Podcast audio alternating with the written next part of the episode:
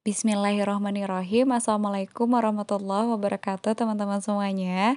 Semoga keselamatan, rahmat Allah dan keberkahan tercurah limpahkan untuk teman-teman semuanya. Dan juga untuk seluruh muslim di mana pun dan kapan pun. Amin ya Allah ya Rabbal Alamin. Allahumma salli ala Sayyidina Muhammad wa ala ali Muhammad. Alhamdulillah, Alhamdulillah, Alhamdulillahi Rabbil Alamin Segala puji bagi Allah Rabbul Alamin yang Masya Allah kita masih diberikan kesempatan untuk bisa bernafas dengan gratis. Kita masih diberikan nikmat untuk merasakan jari jemari tangan kita yang bisa kita gunakan untuk beraktivitas kaki kita masih bisa berjalan dan digerakkan. Adapun orang-orang yang Allah titipkan karunia yang istimewa dengan keterbatasan nikmat yang tadi disampaikan. Berarti Allah sedang simpan nikmat tersebut di surganya insya Allah. Masya Allah. Rasanya hanya satu kata ya yang bisa kita maknai dan ya selain syukur kata lain yang kita butuhkan kepada Robbul Alamin adalah tolong. Ya tolong. Ada nggak sih kita memaknai kata tolong itu? Bukankah kita sudah sering mengakui bahwa kita tidak bisa melakukan apa pun tanpa pertolongan Allah. Tapi seberapa sering kita memohon pertolongannya? Ustadz Nuzul Zikri pernah bilang di salah satu kajiannya yang berkaitan dengan kegagalan, penyebab kegagalan di Ramadan. Salah satunya karena banyak orang yang tidak meminta pertolongan kepada Allah dalam beribadah. Orang-orang banyak yang mengandalkan dirinya sendiri, banyak mengandalkan ilmunya, banyak mengandalkan kemampuannya, kapasitasnya, target-targetnya yang luar biasa keren. Tapi tidak meminta pertolongan kepada Allah selaku Rabbul Alamin. Dan itu tertera di Quran Surat Al-Fatihah. Ya, ayat 5. Iyaka na'budu wa iyaka nasta'in. Banyak orang-orang yang hanya menyembah kepada Allah, tapi tidak memohon pertolongan kepada Allah. Jadi teman-teman, mari jangan pernah lupa mengawali segala sesuatu dengan memohon pertolongan kepada Robbul Alamin. Tuhan semesta alam yang mengatur segala sesuatu. Pergerakan sekecil apa pun, bahkan di tingkat atomik, pergerakan elektron yang membuat reaksi-reaksi besar dan hebat. Siapa yang menggerakkan itu kalau bukan Robil Alamin? Apalagi tubuh kita yang sangat-sangat kompleks ini, yang dalam satu detiknya terjadi berbagai reaksi. Bagaimana makanan-makanan kita bisa berubah menjadi energi,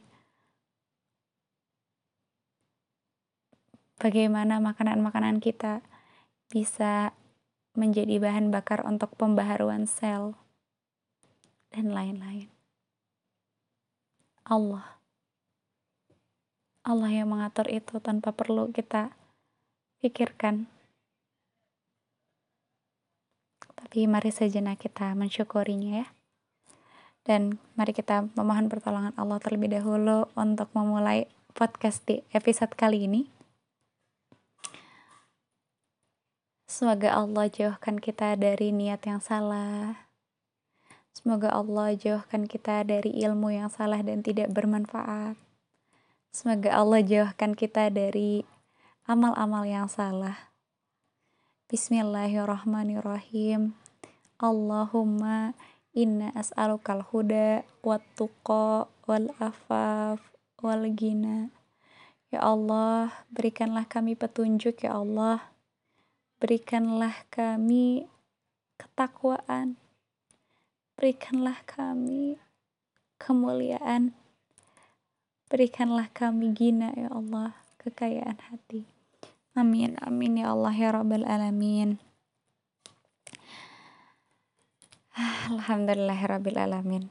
Uh, dan tak lupa teman-teman, mari kita sempatkan untuk mendoakan guru-guru kita ya orang-orang yang telah Allah titipkan di dalam setiap episode kehidupan kita sebagai jalan kita mengenalnya sebagai jalan kita bisa merasakan manisnya iman sebagai jalan kita ingin terus dekat dengan Allah karena ilmunya Mari kita tundukkan hati dan diri kita di hadapan Robbul Alamin dan doakan kebaikan-kebaikan dari guru-guru kita dengan mengingat wajah-wajahnya. Kemudian ingat kebaikan-kebaikannya.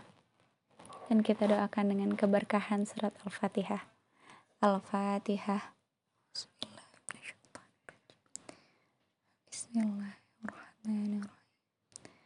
Alhamdulillah. Ar-Rahman Nah. Kan udah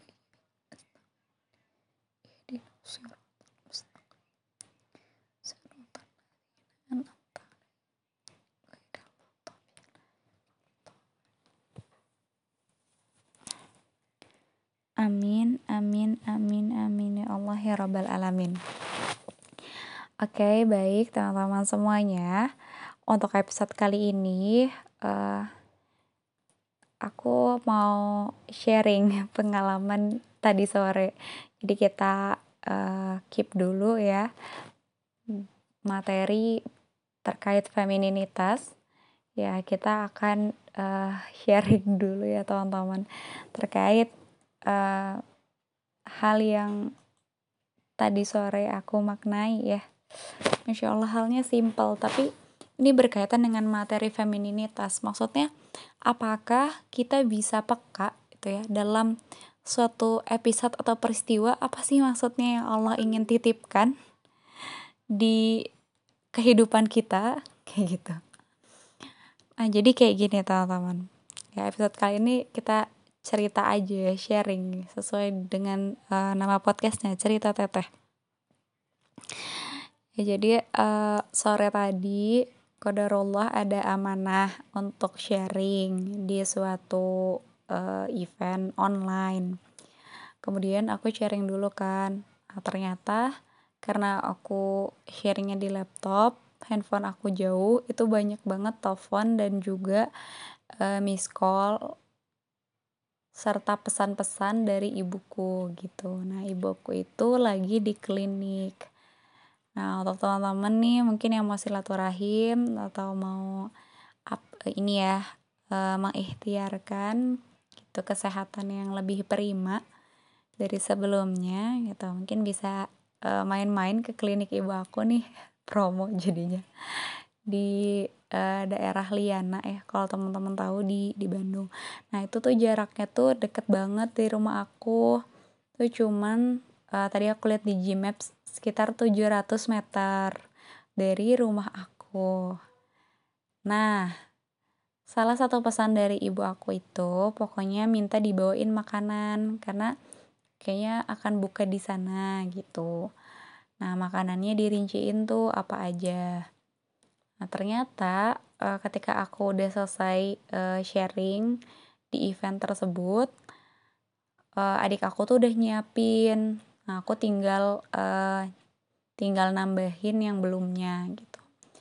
nah udah gitu udah disiapin ternyata semua motor di rumah aku itu semua motor di rumah aku itu ya itu tuh pada dipakai gitu. Jadi di rumah aku tuh ada tiga motor. Ada motor aku motor ayah sama ibu gitu.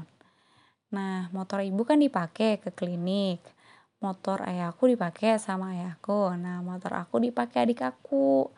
Gitu itu juga aku minta tolong emang lagi minta tolong sama adik aku. Nah jadinya nggak ada uh, kendaraan lagi gitu buat nganterin ke klinik gitu. Sementara kalau misalnya jalan kaki itu uh, bakal maghrib di jalan gitu. Karena itu kondisinya emang tinggal uh, kalau nggak salah udah setengah enam gitu ya udah setengah enam tadi tuh. Lalu akhirnya ada sepeda. Di rumah tuh tinggal ada sepeda. Nah sepedanya ini biasanya dipakai sama ayah aku. Dan adik-adik aku juga suka pakai si sepedanya. Tuh kan sekarang kan lagi hits ya sepedahan gitu. Nah ya aku tuh salah satu yang suka sepedahan dan budaya di uh, Darut Tauhid itu emang lagi gaya hidup sehat kan ya salah satunya bersepeda gitu Nah, aku itu dari semenjak kayak aku punya sepeda yang sekarang itu, itu aku nggak pernah naik sepeda lagi, guys. Seriusan, aku tuh udah lama banget gak naik sepeda. Nah, terus uh, akhirnya ya udah ya mau gimana lagi. Terus uh, kan bisa diatur kan ketinggian dari uh, stangnya sama joknya. Terus aku minta tolong ke adik aku, ini terlalu tinggi buat aku gitu, tolong di uh, ini dulu disesuaikan gitu. Nah udah disesuaikan akhirnya alhamdulillah aku belum lupa ya cara naik sepeda gitu. Ya singkat cerita aku uh, ke sana ya ke klinik ibu aku naik sepeda akhirnya dan masya Allah ya aku rasain capek banget teman-teman. Mungkin udah lama ya aku Eh, nggak uh, olahraga fisik yang sampai naik sepeda ataupun uh, jalan kaki karena ke mana-mana pasti naik motor. Terus masya allah gitu ya baru ngerasain lagi. Padahal medannya tuh atau treknya ke tempat ibu aku tuh nggak nggak naik turun banget gitu paling kalaupun ada tanjakan ya dikit aja nggak nggak yang ekstrim sampai 45 derajat itu enggak emang masih landai lah kalau segitu nggak ada yang naik turun banget tuh enggak gitu. Nah saking aku ngerasa kewalahan banget uh, karena aku bawa tentengan itu kan yang buat uh, makanan buat ibu aku pakai tote bag tote bagnya tuh sampai putus gitu. Karena kan aku uh, sangkutin di stang terus uh, ya karena mungkin pergerakannya ya naik turun dan segala macam putus di jalan gitu. Tapi alhamdulillahnya masih kepegang. Cuman ngerasain banget ya Allah gitu ya secapek ini loh. Sampai benar-benar hausnya tuh haus banget terus keringetan keringetan banget. Tuh nyampe sana aku antarin terus uh, dari situ aku izin pulang lagi itu kan. Terus kata ibu tuh ini bawa ini sekalian gitu biar nanti ibu pas pulangnya nggak nggak nggak repot bawa barang. Ada barang yang buat dibawain tuh satu satu dus gitu. Terus aku bilang ibu tadi aku bawa ini aja nggak bisa gitu. Bawa ini aja susah apalagi tuh e, dusnya tuh gede gitu kan tempatnya uh, nanti aku minta tolong aja ya ke ke yang lain kalau misalnya udah pada pulang gitu. Soalnya tadi nggak ada motor pas aku berangkat. Terus akhirnya ya udah kata ibu aku aku akhirnya pulang lagi kan teman-teman gitu. Dan pas pulang juga struggling banget masya Allah. Mengayuh sepeda ya kayuhan dengan demi kayuhan yang Masya Allah itu aku bener-bener keringet banget gitu. Bahkan di jalan uh, aku tuh sempat kayak berhenti dulu sekian menit kan dua menit gitu ya untuk narik nafas yang gitu ya sampai kayak gitu banget. Yang tenggorokan aku tuh udah sampai kering banget padahal cuma 700 meter guys. Berarti kalau bolak balik ya dikali dua ya 700 meter ya tapi kan itu masih deket ya. Yang selama ini aku ngerasanya effortless banget kalau aku pakai motor gitu. Ya Allah gitu. Bener-bener kerasa banget setiap detik perjalanannya tuh. Ya Allah wah kayuhannya energinya keringat yang keluar gitu ya. Pokoknya muka aku tuh basah banget lah. Nafas aku juga terengah-engah gitu ya. Ketahuan banget aku udah lama ya nggak olahraga fisik kayak gitu astagfirullahalazim iya teman-teman. Ah masya Allah. Terus uh, gini ya masya Allahnya. Yang uh, yang aku maknai ya pas aku pulang itu langsung banget aku ngos-ngosan ya bener-bener ngos-ngosannya tuh yang sampai kayak gitu-gitu banget. Terus ayahku di atas tuh udah pulang ternyata kan terus langsung nanya kenapa? Kayak gitu. Capek banget aku bilang gitu ya. Uh, ke mana? Abis depoknya ayah nanya klinik. Terus sama ayah tuh dikasih tahu triknya biar kita tuh nggak ngos-ngosan ya atur nafasnya kayak gimana sampai akhirnya dalam tiga detik tuh bisa normal lagi gitu nafasnya.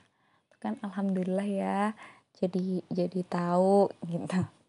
Terus dari situ eh, nggak lama adik aku pulang gitu. Adik aku pulang udah bawa ininya bawa apa bawa motornya. So aku bilang udah jadi masukin motornya. Aku mau balik lagi ke sana buat ya ambil ininya gitu ambil tadi barang yang uh, ketinggalannya. Terus aku pakai helm dan aku berangkat lagi.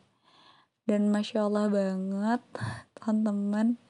Berangkat itu ya karena pakai motor ya sangat-sangat effortless dan memaknai perjalanan tadi gitu ya. Apalagi pas waktu tadi berangkat itu aku sambil nyimak ulang kajiannya Ustadz Nuzul Zikri yang tentang uh, jika Allah menghendaki kebaikan untukmu gitu ya bentar aku cek dulu.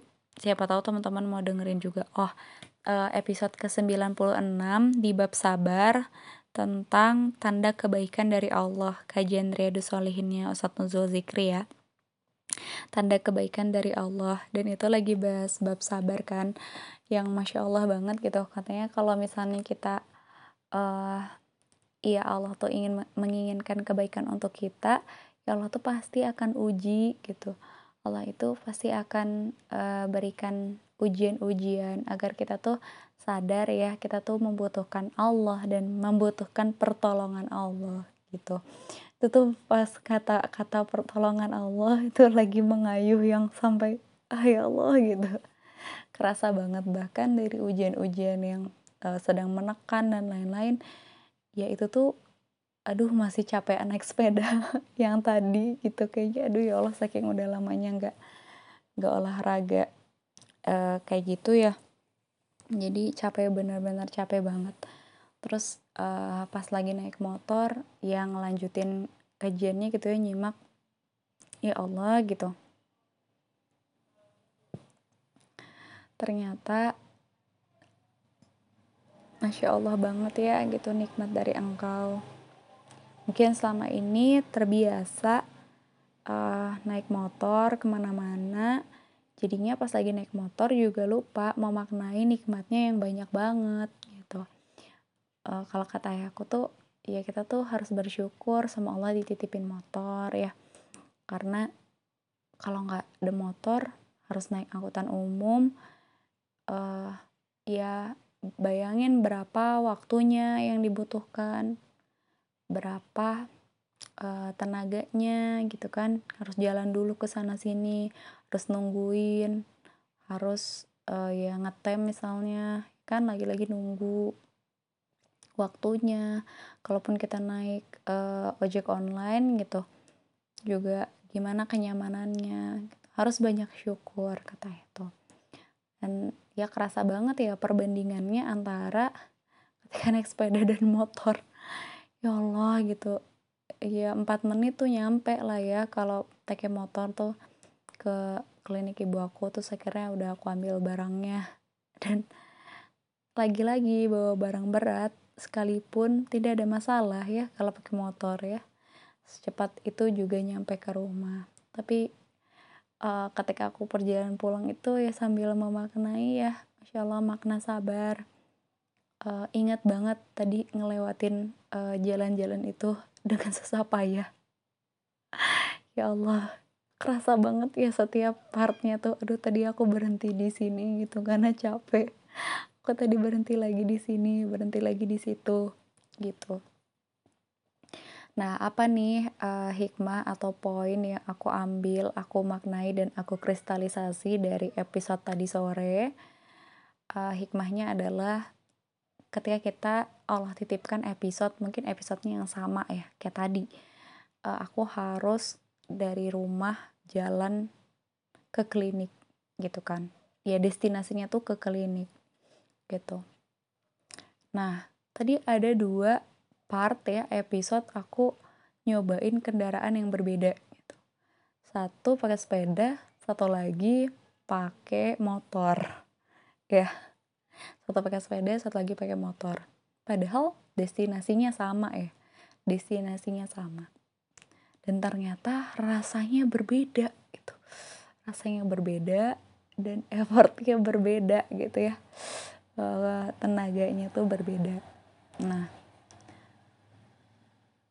yang aku rasakan ya teman-teman dalam menghadapi hidup episode hidup mungkin sama-sama susah tapi kalau kita pakai kendaraan terbaik maksudnya bukan mereknya yang bagus atau yang mahal dan segala macam bukan. Tapi kita pakai ini ya pakai kendaraan yang bahan bakarnya nggak cuman tenaga kita sendiri gitu ya. Kan kalau pakai motor tuh ada bahan bakar bensin ya dan juga ada mesin. Sehingga kita lebih ringan ya dalam menghadapi uh, ini medan perjalanan dan lebih cepat sampai juga. Sementara kalau yang sepeda ya pastinya sehat ya, utamanya sehat. Tapi kan tadi aku nggak dalam rangka olahraga ya, dalam rangka mengantarkan barang gitu. Jadi sebenarnya dibutuhkan kecepatan. Nah, uh, maknanya adalah dalam hidup ini kita mau pakai kendaraan apa ingin yang menyusahkan kita atau yang memudahkan kita. Jangan dianggap letter luck langsung ini ya, kendaraan tuh ya berarti uh, motor, mobil dan lain-lain bukan, bukan itu ya. Tapi kita pengennya menjalani hidup ini tuh ringan atau susah sih gitu. Dengan episode yang sama ya tadi. Misalnya destinasi kita kan ke sana tujuan kita ke sana ya tapi pengen yang kayak gimana gitu. Kalau kita pengen yang ringan ya kita pengen yang uh, menenangkan gitu.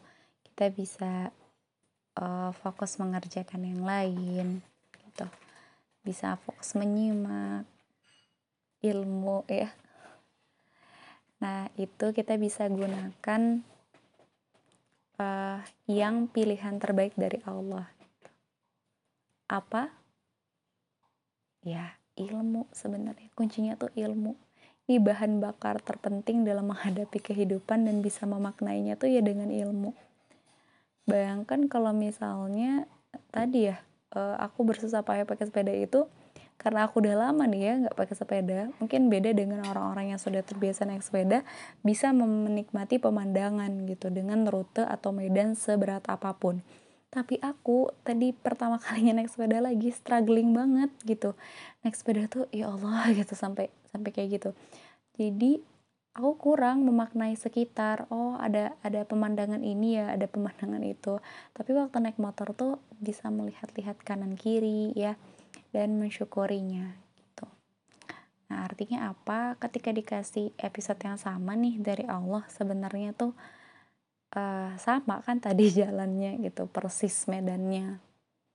Bisa jadi kita beda menyikapinya kalau kita dengan ilmu dan kita tanpa ilmu gitu. Apa bedanya? Apa bedanya? Nah, bedanya kalau dengan ilmu, eh, kita akan lebih tenang. Gitu. Kita yakin ada yang uh, membersamai kita, ada yang uh, menemani kita, dan ada yang menjamin hidup kita. Allah, ya kan? Kalau kita yakin dengan ilmu, apa pun itu beratnya kehidupan kita medannya naik turun naik turun gitu ya klimaks.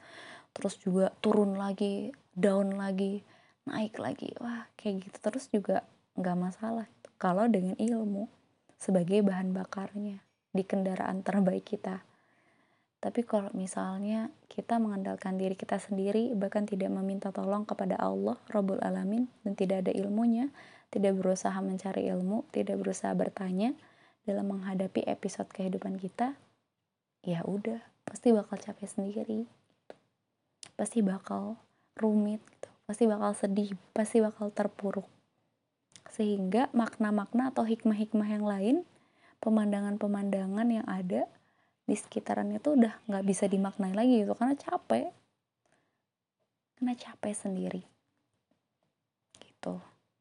Nah maka itu ternyata benar gitu ya yang disebutkan oleh Rasulullah SAW bahwa kebutuhan kita akan ilmu itu jauh lebih besar dibandingkan kebutuhan kita akan makanan. Dengan ilmu kita sesulit apa pun kondisinya, kita bisa maknain insya Allah. Tapi tanpa ilmu, kita akan hancur kita akan terpuruk. Dan bahkan banyak orang yang bunuh diri. Persis kayak yang disebutkan di kajian Ustaz Nuzul Zikri itu di episode 96 tentang tanda kebaikan dari Allah gitu. jadi teman-teman sekarang pilih ingin menjalani kehidupan seperti apa. Karena orang-orang bertakwa bukan berarti nggak punya masalah. Orang bertakwa bukan berarti nggak diuji atau mungkin ketika kita dapat nasihat dari orang yang menurut kita Allah karuniakan ilmu terus kita diminta untuk bersabar ya dinasehati bersabar dinasehati untuk ikhlas terus terkadang hati kita juga kita ingin memberontak bilang iya Ustadz mah nggak ngerasain gitu. Atau uh, ya kamu mah nggak ngerasain saya di, di dinasehatin sama sahabat kita saudara kita Padahal orang-orang yang beriman, orang-orang yang bertakwa itu ujiannya berdasarkan kadar keimanan gitu. Si ujiannya tuh jauh lebih besar kalau kita akui bahwa itu keimanannya lebih dari kita. Ya, pasti ujiannya lebih juga dari kita. Makanya kita jangan mudah menjudge dia tidak merasakan. Jangan-jangan merasakan kan ujiannya bisa jadi jauh lebih berat. Tapi karena ada ilmunya, beliau bersabar. Masya Allah. Ya jadi teman-teman mari sama-sama ikhtiarkan terus menggali ilmu agar kita tidak tersesat dalam menghadapi hidup ini ya. Ya Allah. Dan ingat di Quran surat Al-Kahfi ayat 68 ya. Ini sebuah pesan dari Nabi Khidir kepada Nabi Musa. Ya Bismillahirrahmanirrahim dan bagaimana engkau akan dapat bersabar atas sesuatu sedangkan engkau belum mempunyai pengetahuan yang cukup tentang hal itu. Maksudnya gimana? Ya gimana kamu bisa sabar kalau misalnya tuh kamu nggak tahu itu tuh kayak gimana maksudnya gitu. Bahkan kita sendiri belum clear makna sabar misalnya. Maka dari itu, mari terus gali ilmunya. Mari kita mohon pertolongan pada Allah agar Allah tunjukkan jalan-jalan karena ilmu itu cahaya ilmu itu cahaya, ilmu itu petunjuk. Ketika kita memuliakan ilmu, ilmu akan memuliakan kita. Tapi kalau misalnya kita tidak memuliakan ilmu dengan adab-adabnya, ya ilmu itu hanya akan menjadi wawasan saja. Ilmu itu hanya akan menjadi sekedar pengetahuan saja. Iya, kita tahu, tapi baru sampai otak, belum sampai hati. Dari itu penting ya untuk bisa mengasah hati agar bisa membaca pesan cintanya Allah. Allah alam bisawab. Sekian sharing hmm, pemaknaan tadi sore. Uh, mohon maaf atas segala kekurangan dan kehilafan. dan doakan ya semoga kita bisa jauh lebih sehat bisa olahraga fisik yang lebih lagi karena biasanya mungkin hanya workout di rumah aja tapi kalau keluar udah lama nggak aktivitas seperti itu jadinya uh, agak struggling didoain ya semoga kita sama-sama Allah karuniakan kesehatan Semoga bermanfaat. Selamat memaknai setiap episode yang Allah titipkan kepada teman-teman semuanya. Semoga Allah ridho. Wassalamualaikum warahmatullahi wabarakatuh.